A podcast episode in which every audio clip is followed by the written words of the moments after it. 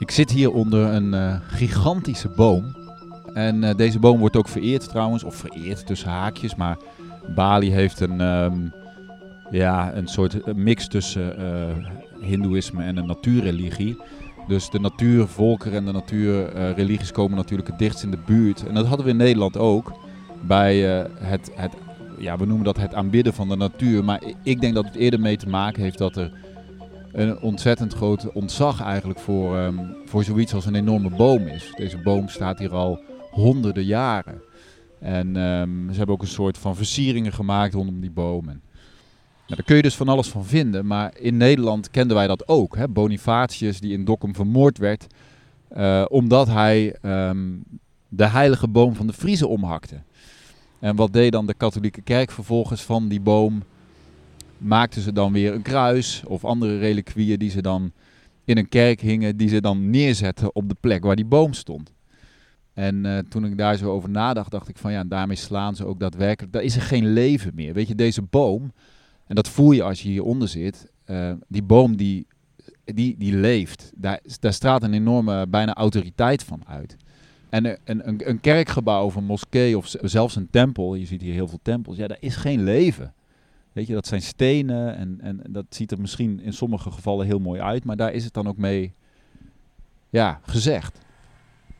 Maar wat mij vooral opviel, en ik ga natuurlijk ergens naar een punt toe, wat mij vooral opviel aan deze boom, um, is natuurlijk hoe groot die was. Maar als ik jou vertel, ja, dat was een hele grote boom, en ik zeg hij is 30 meter of hij is 40 meter, ja, dan haal je je schouders op. Weet je, dan denk je, ja David, leuk verhaal. Dat je, leuk dat je daar onder een boom zit, maar wat, wat heb ik daaraan? Um, maar goed, op het moment dat ik een contrast creëer en ik zet mezelf onder die boom, of hier rijden dan wat scooters langs en je ziet zo'n scooter rijden en dan zie je die boom naast die scooter, dan krijgt dat dan krijgt groot opeens betekenis. Want dan zie je ook hoe klein wij zijn. We weten, een mens is uh, maximaal 2 meter. Nou, en als ik dan iemand van twee meter naast die boom zet en ik zie dat die boom ja, vele, vele malen groter is, dan zeggen we, oh ja, die boom, dat is echt een grote boom. Weet je, dan, dan, we moeten contrast creëren op deze wereld en in ons leven. Um, en dat doen we ook voortdurend. Om zeg maar betekenis te geven aan alles wat dit is.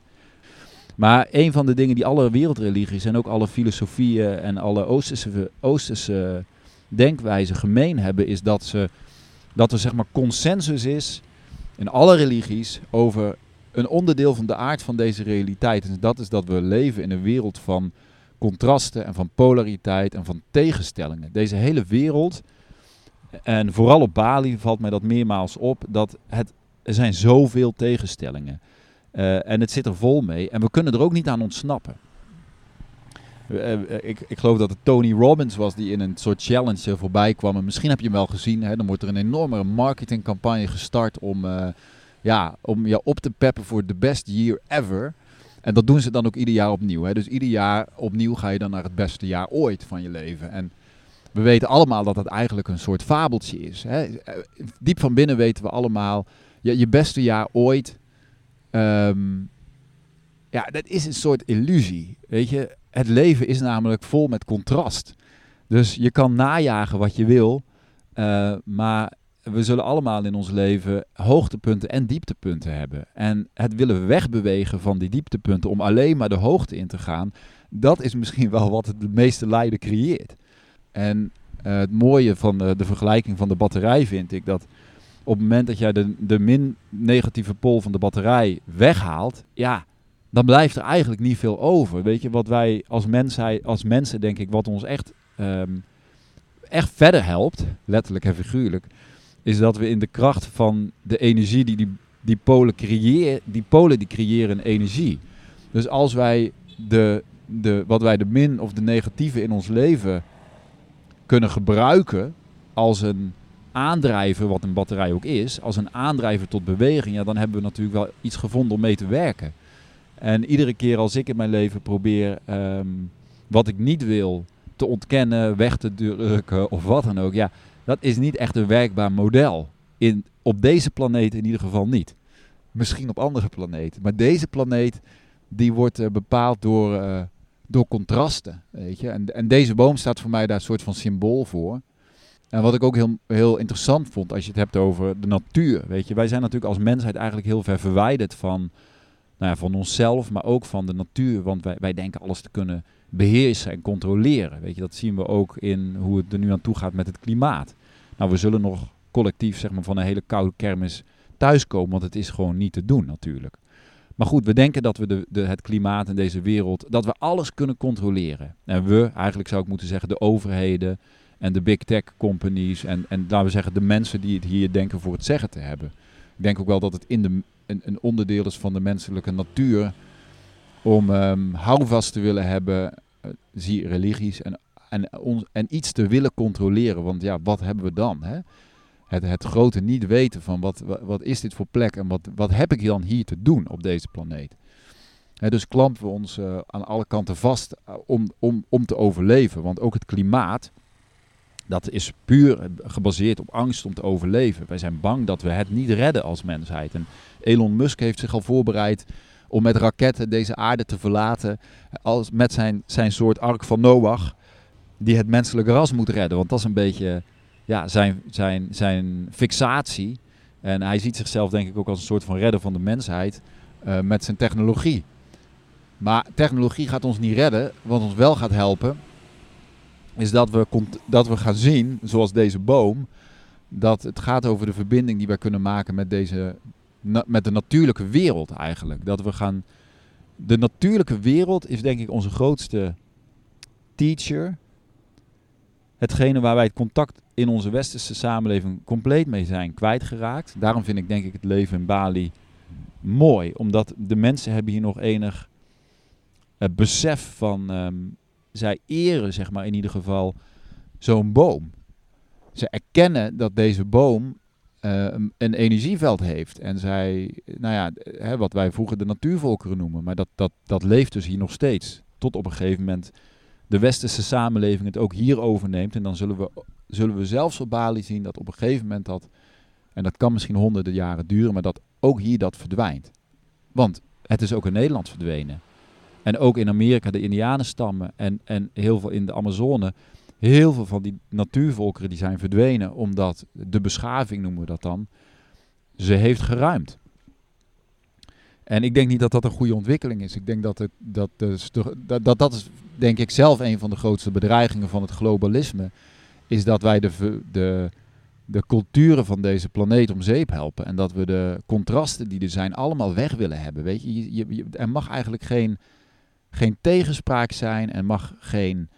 Je moet allemaal hetzelfde vinden en hetzelfde geloven en dezelfde ideeën erop nahouden. Dat moet, is allemaal gericht op dat voorbehoud van die mensen en, en dat, dat controleren van het klimaat. En het klimaat is de nieuwe religie. En daarmee denken we dat we de natuur en ons leven iets goed doen. Maar wat ik dan mis in het verhaal als het over het klimaat gaat, is eigenlijk van ja, hoe verbind je jezelf dan eigenlijk met de natuur? Hoe krijg je bewustzijn waardoor we op een andere manier met deze planeet en met elkaar omgaan? En ik denk dat het um, niet overdreven is om te stellen dat als het globalisme zijn zin krijgt, of als wij die One World Order, als die um, established wordt, zeg maar, dat we daarmee nog meer culturen en nog meer diversiteit op deze planeet uiteindelijk om zeep helpen. Want als we kijken naar hè, uh, de expansiedrift van Europa, wat uiteindelijk Amerika heeft, uh, uh, de geboorte van Amerika of van de Verenigde Staten is geweest, maar ook van allerlei nieuwe culturen en, en, en nieuwe Zuid-Amerikaanse landen. Ja, dan hebben wij daar eigenlijk alle, alle natuurvolkeren van hun land verdreven. En hebben we gezegd, nou vanaf nu wordt dit een westerse maatschappij. En wat, wat ik heel mooi vind aan, um, aan zo'n eiland als Bali, dat uh, daar is nog een geheel eigen cultuur. Het is misschien nog wel een van de weinige plekken op aarde waar, nog, waar je nog heel dicht kan zien wat het is om een natuur, wat een natuurreligie is. Ik denk dat ze ook in de Amazone wel zijn en misschien nog wel andere plekken op aarde. Maar ik ben daar zelf niet religieus in. Maar het laat wel zien dat er een bepaalde. Daar is iets heel bijzonders aan en dat zie je ook hier op dit eiland. Weet je, die boom, en ik voelde het zelf ook. Ik liep langs deze boom en ik voelde die boom. Ja, ik kan het niet uitleggen. En er is ook geen verklaring voor. Maar iemand, iemand vertelde mij dat uh, bomen ook plus- en minpolen hebben. Dat ze energie uh, opwekken of ook energie afstaan aan de aarde. Maar deze boom, wat ik ook nog heel, heel, eigenlijk de link die ik wil maken, is dat ieder, iedere boom en iedere plant en ieder mens begint uiteindelijk gewoon met een zaadje. Weet je, dus deze boom heeft, denk ik, als ik het zo zie, heeft deze boom wel zijn volle potentie bereikt. En hij heeft daardoor, hebben de locals hebben hem hier een, een ja, een, een, uh, een doek omheen gedaan en een soort uh, altaartje bijgezet. Dus deze boom, nou ja, die heeft zijn potentie zeg maar bereikt. En ondertussen zal die ook onder de grond en boven de grond, zal die zijn functie hebben in het hele ecosysteem hier. En ik moest ook denken als het gaat om menselijke potentie. Ik denk, ja, menselijke potentie, dat is iets wat, dat gaat over een groeiproces. En, en op een gegeven moment dan, er is een potentie. Dat hele concept alleen al, dat je begint als een zaadje. En dat er dan een groeiproces is en een ontwikkelingsweg, waardoor wij als mensen, maar ook alles in de natuur, een bepaalde potentie kan bereiken. Ja, ik denk dat het heel belangrijk is dat we als mens onze, de moed hebben om een ontwikkelingsweg met onszelf aan te gaan, ook al kan dat spannend zijn. En dat betekent vaak ergens uh, afscheid van nemen of een nieuwe weg inslaan, waardoor wij die potentie gaan aanboren. Ik wist dat ook bij mezelf. Ik wist als ik op de plek blijf waar ik ben, ja, dan vervul ik, dan, dan vervul ik niet mijn eigen potentie. En het vervullen van je potentie is denk ik een, een proces en ook een keus die je, die je op een bepaald moment maakt in je leven. Van oké, er is iets in mij wat nog niet tot zijn recht komt. Maar dat zit wel in me en ik wil dat onderzoeken wat dat is. En ik wil dat gaan leven. Um, het is ook een belangrijk onderdeel in mijn werk geworden met mensen. Van waar, waar kun je groeien en bloeien? Weet je, waar liggen je, je mogelijkheden en waar liggen jouw... En wat heb je nodig, zeg maar, om, om dat te gaan voelen zelf? Het is natuurlijk ook iets waar je contact mee moet maken. Het is ook iets wat je, ja, aan moet zetten als het ware, aan moet boren. En um, ja, ik vind dat een prachtig proces. Ik ken het van, van me, in mijn eigen proces natuurlijk. We hebben hier een sport van gemaakt. Prima zo'n scooter, maar waar moet er dan weer zo'n knalpijp op? Want hoe harder, hoe meer geluid, hoe beter. Dus ja, leuk dat ze hier de bomen vereren, maar als je nou ook die natuur ook respecteert, dat is ook een van de dingen die mij enorm verbazen, zeker hier op Bali. Dan heb je soms een prachtigste waterval of een prachtig strand. Je ziet het ook in Nederland trouwens. En dan moet er een enorme speaker naast staan waar muziek uit knalt. Dan denk ik, de natuur heeft toch geen muziek nodig eigenlijk. Hè? Ik bedoel, waar zijn we dan mee bezig? Weet je, moet dan alles opgevuld worden met, met, met, met, met technologie? Want de moderne muziek is ook een vorm van technologie geworden.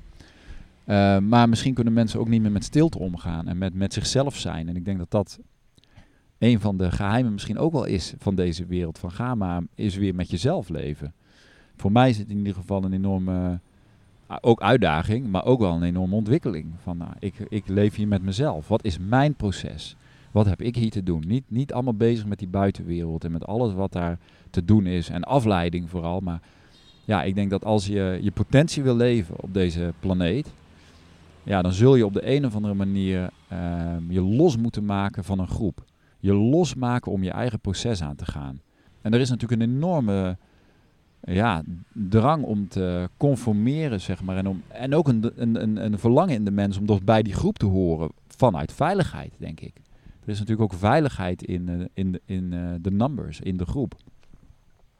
Ja, wat ik zelf heel um, mooi eigenlijk vind aan als, ik, als, ik, als het gaat over je potentieleven, dan heeft dat eigenlijk niks te maken met wat je zeg maar kan bereiken in de buitenwereld. Maar dat heeft te maken met dat je wordt wie je bedoeld bent. Dat is natuurlijk een beetje een pet peeve van me geworden. Maar er zit natuurlijk wel een enorme waarheid in dat um, jezelf tot expressie brengen, jezelf tot uiting brengen. Um, dat is eigenlijk wat we, de mogelijkheid die het leven op deze planeet ons biedt. Weet je, we hebben een enorme kans. En zelfs, we hebben ook die kans nu nog, nu er um, van alles gebeurt in onze wereld waar je misschien niet blij mee bent en ik ook niet. Maar er zijn nog steeds kansen om je eigen pad te gaan.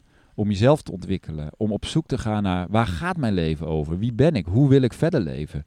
En om daarmee te gaan werken met jezelf en om stappen te zetten daarin. Dus het is niet zo dat de mogelijkheden en de kansen voor jouw ontwikkeling uit de wereld zijn. Ik denk dat ze groter zijn dan ooit. En dat alles wat we in onze buitenwereld zien, dat dat ook een enorme aandrijver kan zijn om tegen jezelf te zeggen, van, ja, als het ja, nu niet, wanneer dan wel? Weet je, wanneer, wanneer is het dan wel het, het goede moment om. eh, ik, in mijn geval bijvoorbeeld, wanneer is dan wel het goede moment om mijn stem te gebruiken? Wanneer is wel het goede moment om te zeggen wat ik ervaar en wat ik, mee, wat ik zie? Dus, het wordt hier donker. Ehm, ik zag ook een. ehm, dit is dus de Bodhi-boom. Hè? Dat is de boom waar de Boeddha, waarvan werd gezegd dat de Boeddha onder de Bodhi-boom zat en verlichting bereikte. Ehm, het zijn op allerlei eh, Aziatische landen worden deze bomen echt wel als, eh, als een soort heilige sacred trees gezien. En eh, ik zag dat er iemand in Bali hier een. ehm, je hebt hier dus allemaal van die influencers die dan graag foto's maken. Dat mensen dan echt zichzelf als een vrouw die zich dan naakt had laten fotograferen met zo'n echt een hele grote heilige boom. Nou, dan wordt hier wel, eh, dan wordt, daar kun je voor gedeporteerd worden. Dat wordt hier niet op prijs gesteld. En daar wil ik het bij laten. Ik eh, wens jou een hele fijne dag. Wil je doorpraten? Wil je, ehm, nou ja, heb je vragen? Wil je met mij in gesprek? Voel je vrij om mij te e-mailen op supernova.davidpieters.com. Wil je begeleiding bij je eigen proces? Eh, kijk ook even op mijn website. Ehm, dan kunnen we praten. En ik verwonder me nog even over, eh, over deze boom. En ik realiseerde me dat ik wel eens eerder een podcast heb opgenomen in zo'n omgeving. Dat was op Angkor Wat. Ik weet niet meer wanneer het was. Dan moet je dus echt even teruggaan gaan in mijn lijst eh, met podcasts. En ik had trouwens ook het gevoel dat ik dacht van ja, ik ga al die oude podcasts offline laten. Want ja, weet je, je groeit en je ontwikkelt. En dan denk ik van ja, weet je, dat was toen eh, tijd voor een nieuw hoofdstuk. Maar goed, toen waren er toch wat mensen die zeiden van ik vind je podcast heel waardevol. Dus ik denk oké, ze staan nog online. Maar goed, het zou kunnen dat ik toch komend jaar eh, een, een soort verandering daarin aanbreng. Maar dat moeten we nog, eh, dat zien we dan wel even. Maar in ieder geval heb ik eerder een podcast in Angkor Wat opgenomen, eh, midden in de, in de tempels van Angkor Wat. En dat was ook een bijzondere ervaring voor mezelf, moet ik zeggen. Ik weet niet meer wat ik gezegd had. Maar, ehm, nou ja, die kun je dus ook nog terug luisteren, mocht je daar behoefte aan hebben. Ehm, fijne avond. Doeg.